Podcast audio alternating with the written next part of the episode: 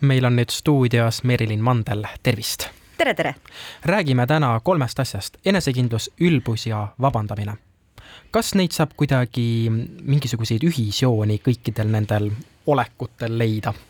ma juba tahtsin öelda, et need on kõik ühe mündi kolm külge, saan aru, et mündil ei ole kolme külge noh, see serv on. serv on ka, on ju. mille peale aeg-ajalt jääb pidama. see serv on võib-olla siis see vabandamine seal, eks mm -hmm. ole, mulle tundub, aga ei, ma arvan, et tegelikult nad on üllatavad, kui me võtame nüüd kaks esimest korra niimoodi ette, et enesekindlus ja ülbus on, nad on nad on tegelikult väga erinevad äh, seisundid, ütleme siis niimoodi, ja nähtused, aga mul on tunne, et me ei oska nagu hästi eristada neid lihtsalt ja väga tihti me tõlgendame küll valesti, aga kui ma peaksin nagu ütlema, mis neid kõige rohkem eristab, siis pigem see, et enesekindluse juurde kuulub paindlikkus, kuulub selline avatus, et kui ma mõtlen näiteks oma elu peale kõige enesekindlamad ja kõige ka võib-olla nagu targemad inimesed, on ju, et ikkagi see nende, see, see mõttekäik, et oh, hea point, seda ma polegi varem mõelnud. et see kuulub selle enesekindluse juurde, et ma annan endale aru, et see, et ma midagi tean, ei tähenda, et ma kõike näiteks tean et ma ei raiu ainult enda asja, see ei ole enesekindlus, see pigem näitab seda, et ma olen kuidagi haavatav ja kardan, et äkki kusagilt hakkavad müüri küljest tükid äh, lendama, et äh, jah, et kellegi teise tükke ka juurde tekkida igaks juhuks. et enesekindluse puhul vist jah, see teadlikkus, et see ei, ei ole nagu juuksekarva küljes see sinu autoriteet. et see on kuidagi põhjendatud, see on pädev, sul on nagu ruumi seal nagu info vastuvõtmiseks ja ja võib-olla enesekindluse juurde kuulub ka see omadus, et sulle läheb ka korda, kuidas teised seda sinu antud infot või, või jah, nagu sinu antud infot siis seedivad. et seal on nagu ruumi selleks empaatiaks küll, ma ütleks, et ülbus on tegelikult ikkagi võimumäng, on ju, rohkem, et ülbusega me näitame või noh, tahame näidata, et meie kontrollime olukorda aga on olemas ka liigne enesekindlus, et äh, kui näib, et inimene on täiesti ilmeksimatu? Äh, liigne enesekindlus võib ju tegelikult olla ka äh,, ei pruugi olla üldse nagu halbade tagajärjedega, tagajärgedega, et võib olla liigne enesekindlus siis, kui ma usun, et ma tean midagi ja tuleb välja, et ei tea tegelikult, aga ta on ikkagi minu arust erinev kui see, kui me oleme nagu äh, jah, nagu ikkagi see, see ülbuse ja agressiivsuse nagu erinevus seal ka. et näiteks kui, kui ma tooksin näite mõnest elust, eks ole, kui keegi näiteks läheb autokooli eksamile on ju või sõidueksamile ja ta on nagu liigselt enesekindel, siis võib juhtuda, et ta teeb ikkagi vead, milleks ta valmis ei olnud ja peab selle eksami uuesti tegema, on ju. et see ei tähenda, et ta on ilmselgelt nagu kuidagi vaikimisi nagu halb inimene või teeb mingeid halbu otsuseid, on ju, aga, aga see vist on jah, lihtsalt enda mõnikord enesekriitika lihtsalt ei ole kõigil nii läbi timmitud kui mõnel teisel ju aga mis siis juhtub, kui see enesekriitika kaob kuidagi väiksemaks ja väiksemaks aja jooksul vastavalt sellele, kuidas sa võib-olla oled mingil positsioonil ühiskonnas ja tõused justkui järjest kõrgemale ja see enesekindlus muudkui tõuseb ja enesekriitika muudkui kahaneb ja ühel päeval oled sa seal üleval väga üksi ja näed, et kõik vaatavad hirmus kriitiliste pilkudega ja sa ei saa aru, et sa oled midagi valesti teinud siin natukene saab seda kogukonna poole ka nüüd näpuga võib-olla näidata, et, et väga tihti me lasemegi ju ühiskonnas tegelikult igasugustele nagu positsioonidele inimesi Äh, tutvuste kaudu või mingite mitte seotud pädevuste kaudu ja nii edasi, kuni lõpuks see inimene jääbki mulje, et, et tal on kõik uksed kogu aeg lahti, on ju. et äh, võib, tõesti võib juhtuda see, et äh, keegi pole neid vahepeal nagu nii-öelda tagasi maa peale nagu tõmmanud ja oled seal üksinda nagu äh, üks ja mis on tegelikult oluline ka selle üksioleku juures, et meil on ka sisse nagu timmitud ja trillitud vist nagu lapsepõlvest saati see hirm näida rumalana, hirm näida nõrgana ja see, kuidas me defineerime nõrkust ja rumalust, on ka minu arust väga nagu stagneerunud ikkagi või väga nagu äh, aegunud definitsioon, on ju. et, et nõrkuse märk on justkui see, kui sa tunnistad, et tõepoolest panin pange.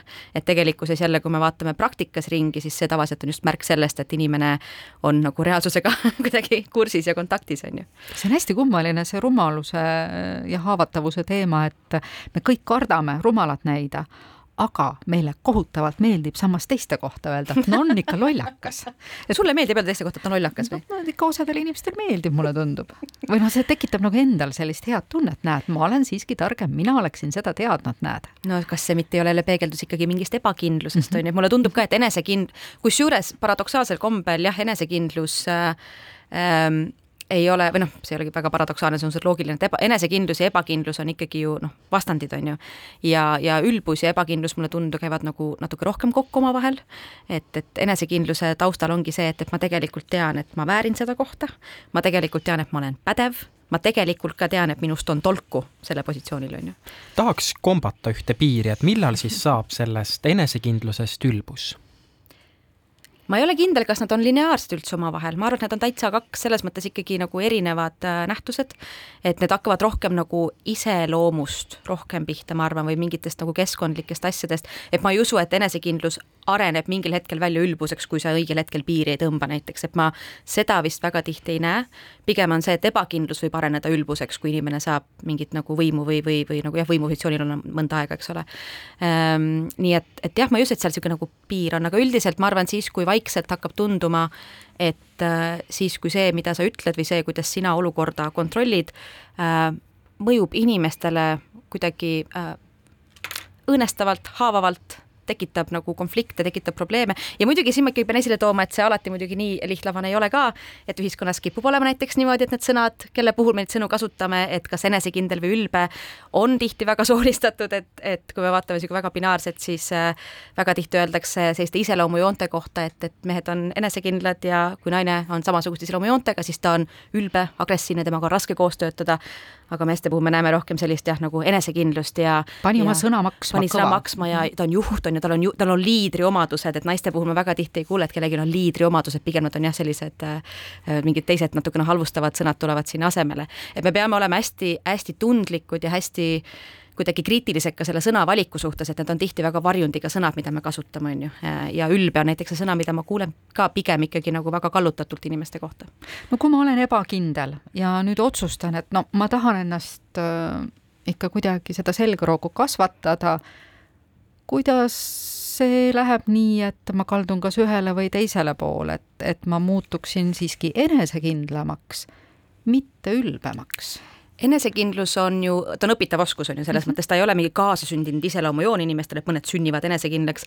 enesekindlus on see uskumus, et ma kas oskan või kui ei oska, siis ma õpin näiteks ära või kui läheb pange, siis ma saan alati uuesti proovida. et on selline nagu enesekõne äh, oskus tegelikult on see enesekindlus. et ma arvan, et see võib-olla on üks asi, mida me saame omavahel ka nagu üksteisele ette näidata ja ma ei tea, kasvõi see, et tõesti me ütleme sõpradele, et ma olen sinu poolt ja ma arvan, et sul on õigus, isegi kui ma sinuga nõus ei ole, siis võib-olla mina teeksin teisiti, aga see, kuidas sina teed, on ka praegult nagu päris pädev ja okei okay. ja see enesekõne ka, et ma ei pane ennast nagu mustvalge kategooriasse, et ma olen kas tark või rumal, vaid ma saangi öelda, et appi, kui hea, et mul on nii palju ruumi õppimiseks, appi, kui hea, et mu ümber on inimesi, kellelt ma saan mingit infot vastu võtta ja ja saada aru, kui palju mul on veel nagu arenguruumi, on ju. aga veel ühest õpitavast oskusest, vabandamine, ma arvan, et see on ka õpitav oskus see on õpitav oskus, vabandamine on ka, ma arvan, et läheb kokku selle nagu rumaluse hirmuga natukene või nõrkuse hirmuga. et see, kui ma tunnistan kellelegi, et ops, praegult lendas vastu taevasse, mis ma tegin, isegi kui mõte oli hea, siis välja kukkus kehvalt, siis see peab ka olema ikkagi turvatundest tekitud nagu, tekitatud nagu selline nagu tung, et ma vabandan, eks ole, et kui võtame näiteks mingi lasteaialapsed, et väga tihti me teeme seda, et kui keegi siis laps teeb kellelegi haiget või teeb liiga, siis öeldakse, et ainuke asi, mis nagu vabandamise alla kuulub, on see, et mine nüüd palu vabandust. ja siis laps läheb, ütleb palun vabandust ja siis see teine ütleb okei okay. ja sellega nagu, sellega piirdub see vabanduse palumine, et tal ei ole mingit sisulist nagu, tal ei ole tegelikult sisu väga tihti, võrreldes siis sellega, kui me ütlemegi, et appi, ma tõesti tegin liiga, ma nägin, ma läksin üle piiri või, või ei teinud seda nagu sõbralikult või mõistlikult, mida ma saan teha, et sul oleks parem või mida ma saaks teha, et seda rohkem ei juhtuks või see on, ühesõnaga, et me saaks nagu rohkem nagu lahti rääkida, et täiskasvanuna õppida vabandama on hästi keeruline, kui sa oled terve elu tundnud, et see on hale näiteks või midagi sellist. et jälle ma olen pikka protsessi siin näen, on ju kasvatuspsühholoogina väga nagu selgelt, aga, aga võib-olla harjutada väikeste asjadega äh, ka seda vabandamist, et alati ei pea ootama, kuni on nagu asi on juba täiesti kriitilise piirini läinud, et harjutada vabandamist ka pisikeste asjadega, et ap sorry, ma seda praegult üldse ei mõelnud, aitäh, sa ütlesid või, või noh, sellised nagu jah, mitte nii kandvate nii-öelda äh, protsesside käigus. et titest peale meid kasvatatakse nii, et see palun vabandust on karistus. ta on et... karistus jah, see on nagu alandav asi, see vabanduse palumine on see, et, et sa oled midagi halvasti teinud, nagu niisugune nagu nina pissi sisse olukord natukene mm, -hmm. kui tegelikult vabanduse palumise eesmärk on ju suhteid hoida. et hoida kogukondi, hoida turvavõrki, et see, kui ma palun vabandust mingi asja eest, mida ma tõesti tegin halvasti, äh, siis selle eesmärk on ju see, et see suhe ei kannataks, et see kestaks edasi. et kui ma raiun nagu seda, et, et mina ei pea vabandama, kuna see on mulle nii ebamugav, siis lõpuks tekibki see nagu isoleeritus ja, ja see üksildus, kus keegi pole tegelikult sinu poolt. et aga... sul on inimesed ümber, aga, aga jah. aga teinekord see vabandus ju ei pruugi korvata seda kahju, mida mitte, inimene on teisele teinud mm. -hmm. ja siin ongi arusaam ka sellest äh, et vabanduse jõust on ju ka, et vabandus, mida ta tegelikult näitab, ei olegi see, et olukord on nüüd lahendatud, lähme eluga edasi, vaid näitab seda, et ma olen nõus tunnistama, et ma oleksin võinud saada teha teistmoodi selles olukorras, et mina tunnistan, et, et see oli praegult nagu minu nagu selline eksimus väike või, või, või niimoodi. no siis me jõuame selle sõna juurde, mis eesti keeles kõlab ehk äh, veidi imelikult, aga alandlikkus oh,. et äh, kust see veel tuleb ja kas meil see omadus olemas on? Ah, vot alandlikkus on, see on väga põnev sõna, ma olen proovinud seda erinevates kontekstides, ma olen proovinud aru saada jälle, kelle puhul me kasutame selle alandlikkus ja kelle puhul me survestame neid olema alandlikud.